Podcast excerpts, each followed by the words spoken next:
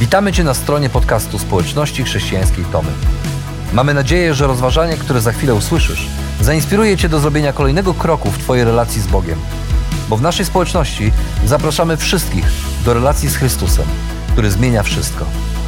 Dziękujemy za Twoje zainteresowanie i zapraszamy Cię do polubienia naszego profilu na Facebooku, Instagramie i YouTubie oraz ściągnięcia darmowej aplikacji na smartfona. Dobrego słuchania.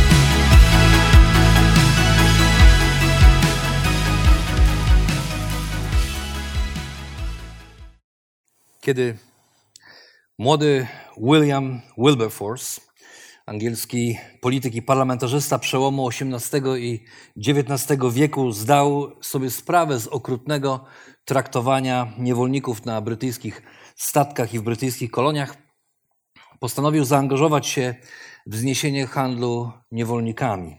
I w 1787 roku napisał w jednym z czasopism: Wszechmogący Bóg postawił przede mną dwa wielkie zadania: powstrzymanie handlu niewolnikami i reformę obyczajów. I niesiony tą reformatorską pasją i ewangelicznymi przekonaniami, które wynikały z jego głębokiej wiary w Chrystusa, rozpoczął walkę z niewolnictwem w swoim kraju. Okazało się jednak, że droga do urzeczywistnienia tej wizji będzie dużo dłuższa i dużo trudniejsza niż to się mogło na początku wydawać. Protestowali oczywiście właściciele i handlarze niewolników. Protestowali politycy, którzy z tego handlu czerpali zyski.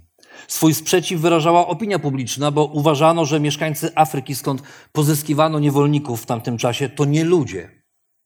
A więc bycie niewolnikiem to dla nich tak naprawdę pewien rodzaj przysługi, ponieważ dzięki temu, że są niewolnikami, mogą ocierać się o wyższą cywilizację i tak naprawdę obcować z ludźmi.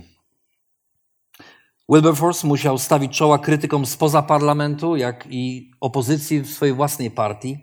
Głosowania nad ustawą były wielokrotnie przekładane, a kiedy już do nich dochodziło, wielokrotnie przegrywał te głosowania. Dość powiedzieć, że od pierwszego przemówienia Williama Wilber, Wilberforce'a w brytyjskim parlamencie w 1798 roku, 80, przepraszam, w 1789 roku, do uchwalenia pierwszej ustawy zakazującej sam handel niewolnikami. Jeszcze nawet nie niewolnictwo w ogóle, tylko handel niewolnikami w 1807 roku upłynęło 18 lat. A od tej ustawy do całkowitego zniesienia niewolnictwa w 1834 roku, czyli rok po śmierci Wilberforce'a, który już tego nie doczekał, kolejnych 27 lat. W sumie 45 lat przekonywania, walki, opozycji, dyskusji, kroku do przodu, kroku wstecz. Wydawać by się mogło, że coś tak moralnie wzniosłego, coś tak ważnego i coś tak dzisiaj szczególnie, nie budzącego w ogóle żadnych, żadnego sprzeciwu, coś takiego powinno od razu przynieść odpowiednie skutki. Powinno być bez żadnego problemu przyjęte, a nawet jeżeli była jakaś grupa ludzi, która czerpała z tego zyski, no to jednak nie powinno być problemu z tym, żeby znieść chociażby handel niewolnikami. Że to dobre dzieło, któremu każdy powinien był przyklasnąć, zwłaszcza w świetle informacji który, o, o traktowaniu, okrutnym traktowaniu niewolników, które wtedy dzięki prasie i dzięki różnego rodzaju pismom były już dosyć powszechnie znane. Jednak tak to już jest, że kiedy podejmujemy się dobrego dzieła, to natychmiast znajdą się ludzie, którym to się nie będzie podobało. I zrobią wszystko, żeby przeszkodzić nam w ukończeniu tego dobrego dzieła. Tak było w przypadku Williama Wilberforce'a, który przez prawie pół wieku walczył o zniesienie niewolnictwa i musiał stawiać czoła najprzeróżniejszym przeszkodom, które odciągały go od tego celu jego życia, jakim stało się właśnie zniesienie niewolnictwa. Tak było wtedy i tak jest i teraz, tak jest też z nami. Kiedy podejmujemy się wielkiego wyzwania w naszym życiu, jakim jest odbudowa relacji z Bogiem, jakaś forma zbliżenia się do Boga, poprawy, zrobienia czegoś inaczej niż do tej pory to robiliśmy. Nawet jeżeli te nasze wyzwania wydają się nieistotne w kontekście wielkiej historii, wielkiego świata. Może jesteś młodą dziewczyną, która postanowiła, że chociaż to niepopularne, będzie chciała czekać z seksem do ślubu. I to jest Twoje wielkie wyzwanie. Albo jesteś w małżeństwie, które zmęczone kłótniami i wzajemnymi oskarżeniami o to, kto ma większy udział w tym, że znaleźliście się w kryzysie, że wasz związek się rozpada, zamiast się rozstać, podejmuje wysiłek naprawienia swoich relacji, szukając pomocy w poradni. A może jesteś mężczyzną, który zmęczony wieloletnim nałogiem mówi dość i postanawia zacząć terapię. Niezależnie od tego, jakiego wielkiego dzieła się podjąłeś czy podjęłaś, prędzej czy później będziesz musiał stawić czoła ludziom, którzy nie będą zadowoleni z Twojej decyzji. I niejednokrotnie zadasz sobie pytanie, czy to ma sens? Czy warto? Czy naprawdę warto? I tak było też w przypadku Nehemiasza. Nehemiasz był żydowskim namiestnikiem Judei, która w tamtym czasie była perską prowincją, okupowana przez perskie wojska. Niesiony pragnieniem odbudowy zniszczonych murów Jerozolimy, Nehemiasz, który wówczas był też podczaszym perskiego króla Artaxerxesa, poprosił go o pozwolenie powrotu do Judei i rozpoczęcia wielkiego dzieła odbudowy. Król nie tylko się zgodził, ale jeszcze dał mu swoje wojsko, żeby on bezpiecznie mógł dotrzeć do celu i, i dał mu też odpowiednie pisma, które pozwalały y, Nehemiaszowi zaopatrzyć się w materiały do tego, żeby odbudować ten, mu, ten, te mury. I tak świadomy dobrotliwej ręki swojego Boga, Nehemiasz wraca do Jerozolimy, a następnie przekonuje jej mieszkańców do tego, żeby przyłożyli swoje ręce do dobrego dzieła. Ustawia ich przy kolejnych fragmentach muru, zgodnie z zasadą, że jeżeli ktoś posprząta przed, jeżeli wszyscy posprzątają przed swoimi własnymi domami, to cała ulica będzie posprzątana, więc każdy stoi przed swoim własnym kawałkiem muru i muruje, odbudowuje w nadziei na to, że kiedy każdy zrobi to, co do niego należy, po jego stronie, i wszyscy to zrobią, to cały mur będzie odbudowany. Nehemiasz ma królewskie przyzwolenie, Boże błogosławieństwo, i entuzjazm ludu, który świadomy dobrotliwej ręki Boga przykłada swoje ręce do dobrego dzieła. Prace trwają w najlepsze, wszystko idzie świetnie. I wydaje się, że nic nie może już przeszkodzić odbudowie murów. Jednak zanim Nehemiasz w ogóle wybrał się do Jerozolimy, zanim jeszcze wyruszył e, od perskiego króla, już wtedy rozeszła się wieść i dotarła do jego wrogów, że ma taki zamiar. I to nie spodobało się bardzo konkretnym ludziom. Wśród okolicznych ludów pojawili się ludzie, którym nie w smak była ta odbudowa jerozolimskich murów, ponieważ ona oznaczała, że miasto znowu rośnie w potęgę, a tak naprawdę ona wskazywała na to, że Bóg, który y, jest Bogiem tego miasta, jest wielkim, potężnym Bogiem, który odbudowuje swoją potęgę. Zaczęło się od kpin i próby ośmieszenia wysiłków tych, którzy brali udział w odbudowie. Najpierw Sanballat, Choronita, wróg Izraela, zaczął kpić z odbudowujących mur Żydów, a towarzyszył mu e, inny wróg Izraela, Tobiasz, Tobiasz Ammonita, który wołał, nawet jeżeli zbudują, wystarczy, że lis wskoczy na ten mur i rozsypie im się ta budowla z kamieni. Nawet jeżeli to odbudują, to będzie to tak słabe, że jednym machnięciem, jednym popchnięciem można będzie te mury zburzyć. Kiedy jednak to nie poskutkowało, Sanballat i Tobiasz wraz z Arabami i mieszkańcami Ażdotu, czyli ludami otaczającymi Izrael z północy, z południa, ze wschodu i zachodu, zaczęli planować zbrojną napaść na Jerozolimę.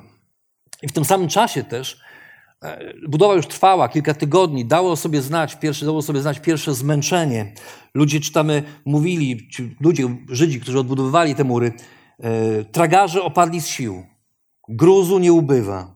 Czy my damy radę ten mur odbudować? Moment na atak wydawał się idealny. Zanim się dowiedzą i zanim się spostrzegą, wpadnijmy między nich i wybijmy ich. Połóżmy w ten sposób kres temu dziełu, mówili Sanballat i Tobiasz, zbierając wojska i przygotowując się do ataku. Jednak o ich zamiarach donieśli Nehemiaszowi przychylni mu Żydzi, którzy mieszkali pośród tamtych ludów. I Nehemiasz widząc, że to wielkie dzieło, którego się podjął, jest zagrożone, postanowił zrewidować swoje plany. Do tej pory wszyscy budowali. Ale Nehemiasz powiedział nie. Jeżeli będziemy dalej tak robić, to ten plan się nie powiedzie. Teraz należało nie tylko budować, ale też bronić budowy przed potencjalnym atakiem z zewnątrz. Nehemiasz więc uzbroił swój lud, postawił straże w miejscach najbardziej narażonych na atak, a następnie przemówił do właścicieli, do przedstawicieli zamożnych rodów i ludzi sprawujących władzę i wszystkich budowniczych. Powiedział tak: Nie bójcie się ich. Pamiętajcie o Panu, wielkim i budzącym grozę. I walczcie za swoich braci, za swoich synów i córki, za swoje żony i za swoje domy. Natomiast mówi: Nie bójcie się, to nie chodzi o was, to nie chodzi nawet o to, jak jesteście silni i jak uzbrojeni. Pamiętajcie o tym, że dobrotliwa ręka naszego Boga jest ciągle nad nami. Jeżeli On dał nam możliwość zaczęcia tego dzieła, rozpoczęcia tego dzieła, to On doprowadzi to dzieło do szczęśliwego końca. Dlatego my musimy zrobić swoje. Musimy bronić tego, co właściwe. Musimy po prostu bronić tego, co zaczęliśmy. I czasami w tym dobrym dziele odbudowy relacji z Bogiem, w tym dobrym dziele budowania przyszłości z Bogiem, którego się, którego się podjęliśmy, czasami przychodzi moment, kiedy trzeba nie tylko budować, ale też bronić tego, co budujemy. W 1937 roku, kiedy ukończono budowę mostu Golden Gate w San Francisco, okazało się, że był on najdłuższym podwieszonym mostem na świecie. Jednak mało kto wie, że budowa tego mostu była zagrożona, ponieważ w pierwszej fazie projektu z powodu niebezpiecznych warunków pracy zginęło 23 pracowników. Możemy sobie to wyobrazić. Taka budowa, można powiedzieć tylko 23, aż 23, zginęło 23 ludzi. I zaczęto się zastanawiać, czy jest sens kontynuować taką budowę, czy to ma sens, żeby ludzie płacili cenę życia za tego typu budowę w XX wieku, jak gdyby to były czasy budowy piramid w czasach faraona. I żeby obronić ten projekt, zawieszono najdłuższą w historii siatkę bezpieczeństwa. Żeby chronić i ludzi, ale też żeby chronić budowę, chronić to dzieło. I czy było warto? Wystarczy zapytać dziesięciu pracowników, którzy w tej drugiej fazie projektu spadli i przeżyli. Nie tylko uratowano ludzkie życie, ale też ta bezpieczna siatka, siatka bezpieczeństwa sprawiła, że ludzie przestali się bać. I budowa tak naprawdę postępowała szybciej niż w pierwszej fazie projektu. Czasami trzeba zrobić wszystko, co w naszej mocy, żeby ochronić, żeby budować ochronę dla projektu, żeby strzec to wielkie dzieło, którego się podjęliśmy, tak żebyśmy ani my, ani nikt inny nie stracił życia, nie poniósł szkody, abyśmy wszyscy, aby wszyscy mogli czuć się bezpiecznie. I po tym incydencie Nehemiasz zrozumiał, że od tej pory będzie musiał przykładać taką samą wagę zarówno do odbudowy, jak i do obrony tego, co budował. Czytamy dalej, a gdy nasi nieprzyjaciele przekonali się, że o wszystkim wiemy, i że Bóg zniweczył ich plan, to wróciliśmy wszyscy do muru, każdy na swoje stanowisko, ale od tego dnia połowa moich ludzi wykonywała pracę, a połowa pozostawała w pogotowiu, uzbrojona we włócznie, tarcze, łuki i pancerze. Dowódcy byli rozmieszczeni tak, że mieli przed sobą całą wspólnotę judzką, wszystkich budujących mur. Tragarze nosili materiał w jednej tylko ręce, w drugiej trzymali broń. A co do budujących, każdy z nich pracował, mając miecz u boku. Trębacz natomiast był przy mnie. Trębacz, który miał zawiadomić wszystkich na wypadek niebezpieczeństwa. Budowa trwała dalej, ale widać było, że choć udało się stawić czoła zewnętrznym problemom, ludzie byli coraz bardziej zmęczeni. I to jest normalne, każde wielkie dzieło, którego się podejmujemy, w którymś momencie przychodzi taka chwila, kiedy jesteśmy zmęczeni. Tracimy ostrość widzenia, tracimy skupienie, odpuszczamy pewne rzeczy, bo, bo jesteśmy zwyczajnie zmęczeni. Do tego oprócz budowania musieli dniem i nocą trzymać straże przy swojej części murów. A jakby tych problemów było mało, to jeszcze okazało się, że niektórym z mniej zamożnych Żydów zaczyna doskwierać głód. Po prostu byli głodni. Nie mieli wystarczająco dużo pszenicy, pola, mąki i wszystkiego, czym mogliby nakarmić siebie i swoje rodziny. Inni, żeby zdobyć pożywienie, zastawili swoje pola, winnice i domy.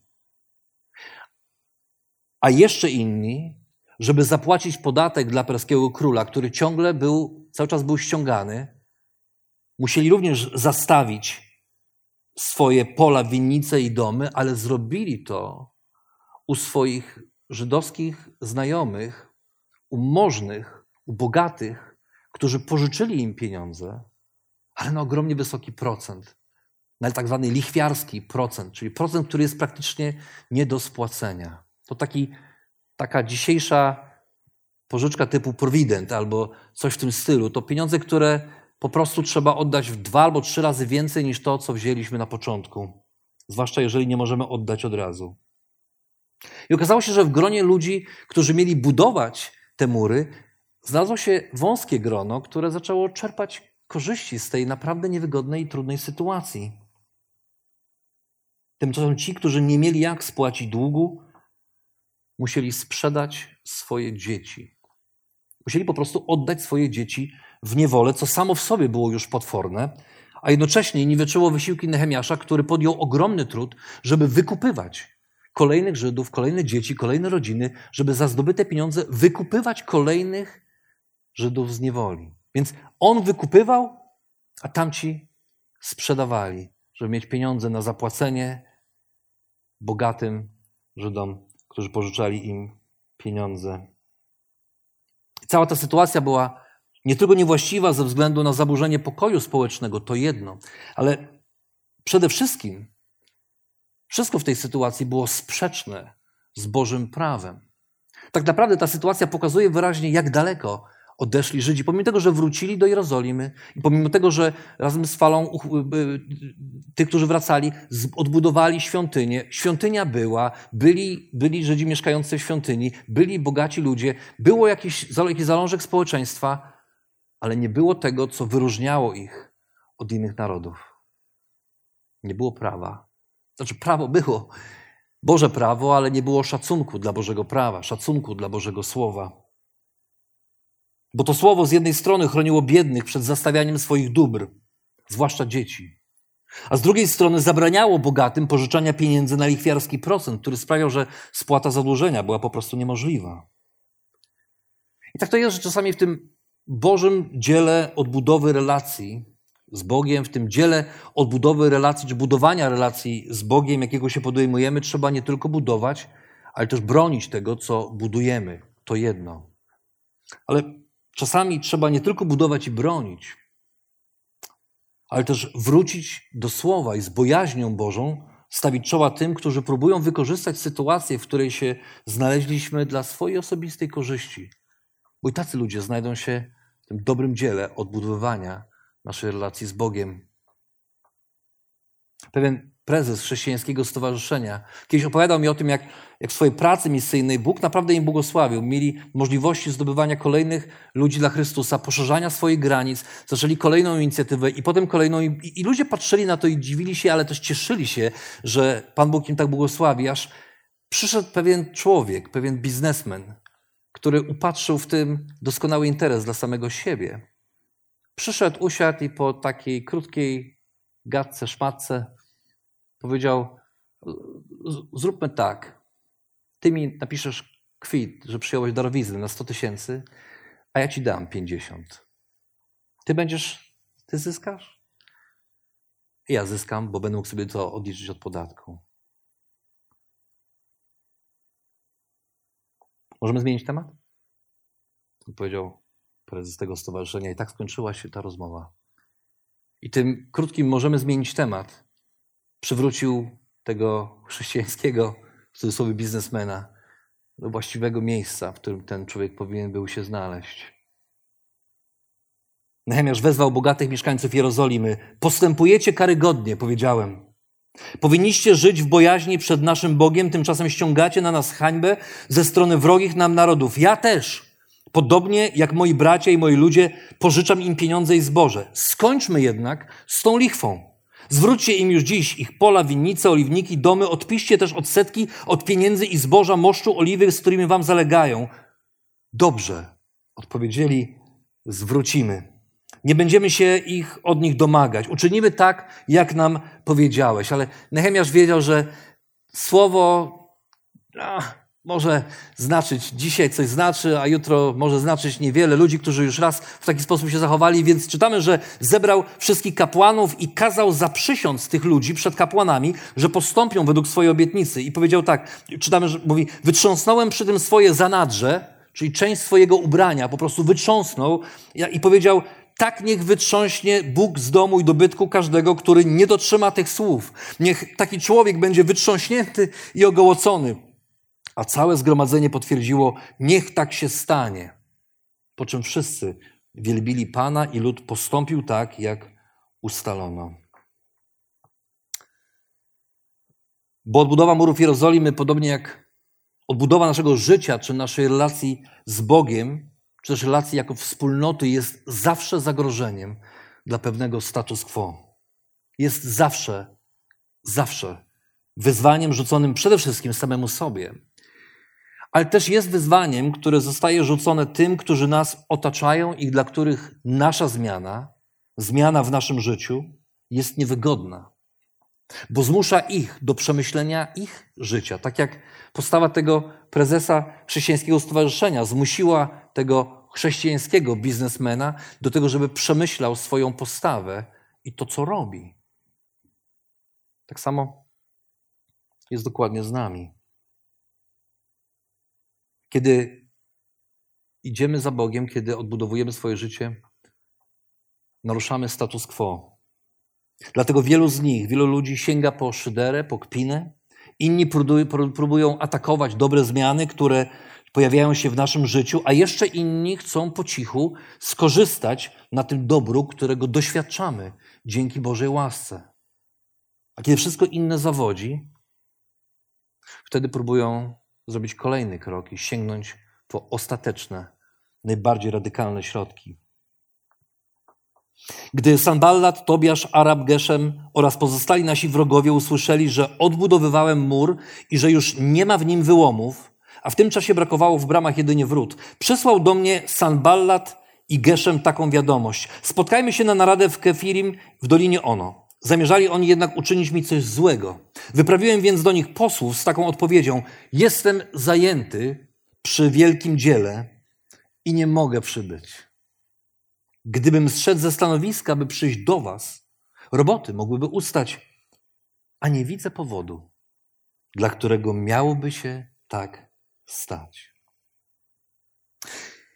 I Nehemiasz wiedział, że jego wrogowie planowali go zabić. A tym samym dobre dzieło, w które był zaangażowany, mogłoby się nie powieść. Dlatego zamiast się z nimi spotkać, dał im zwyczajnie do zrozumienia: Wielkiego dzieła się podjąłem i nie zamierzam przybyć. Hej, hej, próbujecie mnie rozproszyć? Próbujecie mnie ściągnąć do siebie? Próbujecie mnie zabić? Wielkiego dzieła się podjąłem. On jest ważniejsze niż wszystko to, co wy chcecie zrobić i nawet wszystkie rozmowy, które może nawet chcielibyście faktycznie przeprowadzić. Wielkiego dzieła się podjąłem i nie zamierzam do was przybyć. Odprawiał ich z kwitkiem czterokrotnie. Aż wreszcie za piątym razem postanowili zrobić to, co dzisiaj czasami robią niektórzy, kiedy wypuszczają fałszywe oskarżenia w internet. Oni posłużyli się otwartym listem, który był jak dzisiejszy internet.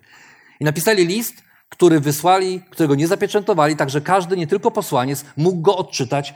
I w tym liście przytaczali fałszywe oskarżenia pod adresem Nehemiasza, że zamierzacie się zbuntować razem z Żydami przeciwko królowi, że zamierzasz obwołać się królem Żydów, że nawet ustanowiłeś proroków, którzy chodzą po Judei i wołają, Judea ma króla. I zapraszali na spotkanie ze sobą, tak żeby mogli porozmawiać, no bo jeżeli ta wieść dotrze do króla Artaxerxesa, który go posłał, no to Nehemiasz będzie miał kłopoty. Ale Nehemiasz po raz kolejny odmówił. Wielkiego dzieła się podjąłem, nie zamierzam schodzić. Aż jego zdesperowani wrogowie przekupili fałszywych proroków, żeby wciągnąć Nehemiasza w zasadzkę, sprawić, że pogwałci on Boże prawo, straci autorytet w oczach swojego ludu i tym samym będzie skończony na zawsze. Ale i tu. Nehemiasz przejrzał ich plany w świetle nauczania Bożego Słowa, w świetle tego, co wiedział z Bożego Słowa, jak powinien zachować się człowiek, nie zrobił tego, na co oni liczyli, że zrobi. Rozpoznał fałszywych proroków, i nie dał się wciągnąć w pułapkę grzechu.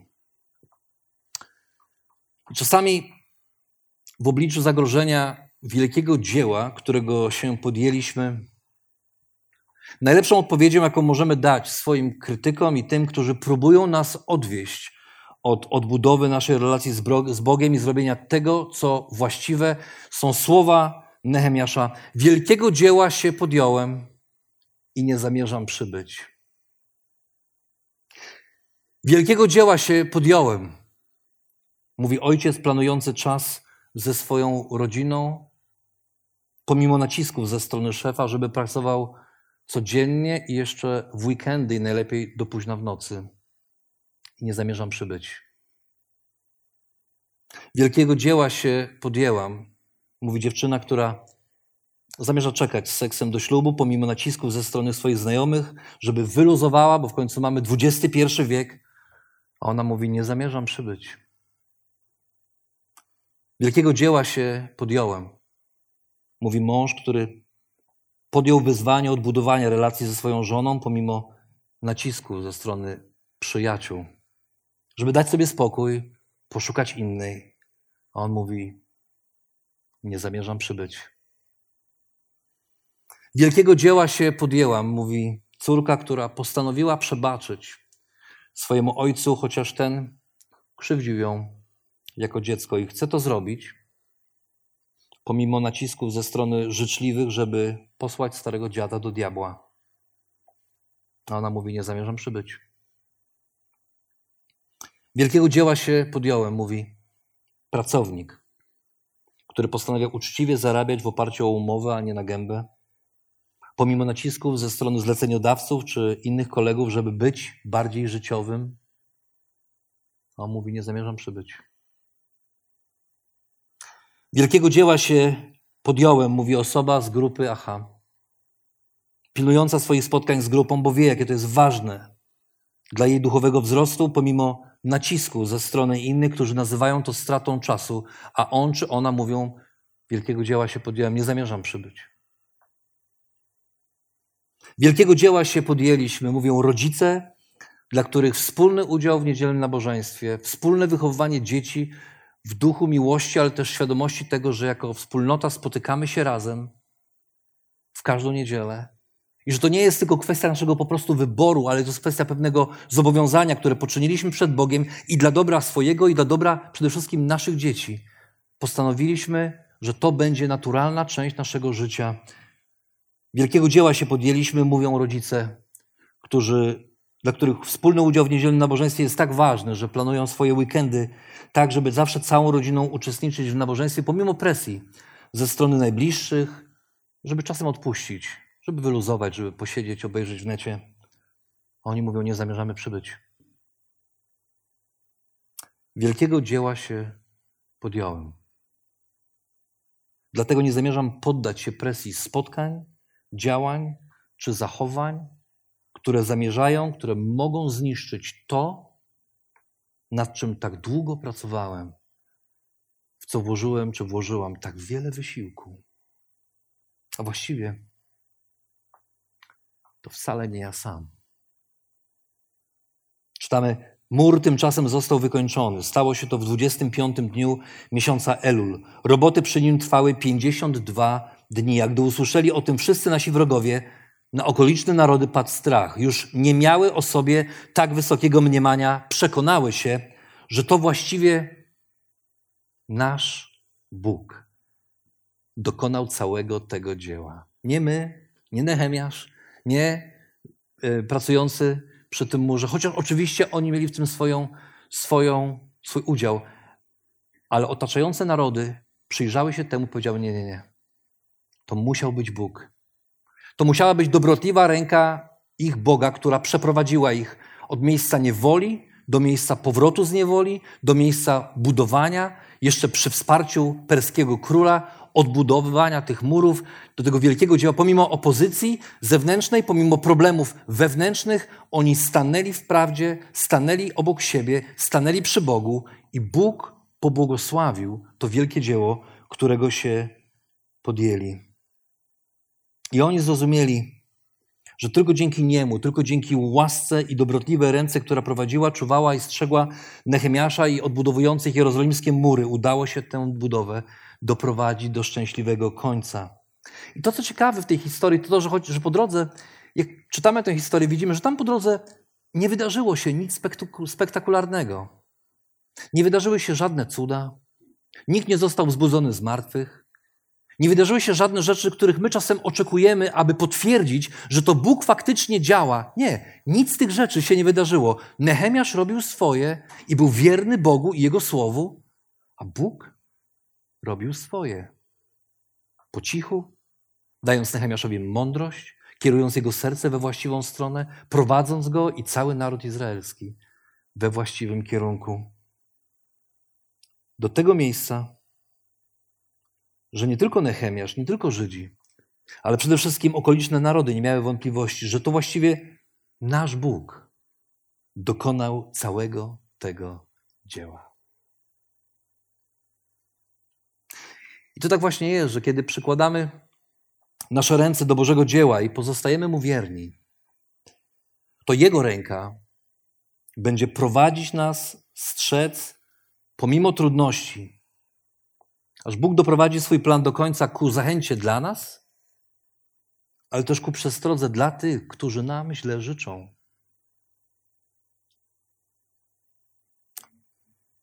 Nie porzucajmy nadziei, gdyż chwalebna jest nasza sprawa, a wnet sukces ukoronuje nasze wysiłki, mówił William Wilberforce podczas przemowy w Izmie Gmin 18 kwietnia 1791 roku, czyli podczas pierwszego czytania projektu ustawy o zniesieniu handlu niewolnikami. 40 par lat zanim to zniesiono, William Wilberforce mówił: Hej, nie porzucajmy nadziei, bo sprawa, w którą się zaangażowaliśmy, jest chwalebna, jest właściwa, jest dobra i trzymajmy się tego. Jedno zwycięstwo już żeśmy odnieśli, napisał, powiedział, zyskaliśmy dla tych niebożąt to, że rozpoznajemy w nich, w niewolnikach ludzką naturę, której przez chwilę niegodziwie im odmawiano. I to są pierwsze owoce naszych wysiłków. Wytrwajmy w pracy, a zwycięstwo nasze będzie pełne. Nigdy, przenigdy nie zaprzestaniemy naszych wysiłków, aż nie wymarzemy tego skandalu z chrześcijańskiego imienia, aż nie uwolnimy się od ciężaru winy, pod którym obecnie się uginamy, aż nie położymy kresu wszelkim śladom tego okrutnego handlu, w który przyszłe pokolenia, patrząc wstecz na historię naszego wieku oświecenia, nie będą mogły uwierzyć, że okrywał hańbą i niesławą nasz kraj aż tak długo, powiedział William Wilberforce. I my dzisiaj też nie porzucajmy nadziei. Wytrwajmy w pracy, a zwycięstwo nasze będzie pełne. Bo wielkiego dzieła się podjęliśmy i nie zamierzamy schodzić. Aż pewnego dnia ci, którzy dzisiaj nam źle życzą albo rzucają kłody pod nogi, zobaczą, że to właściwie musiał być Bóg, który dokonał całego tego dzieła.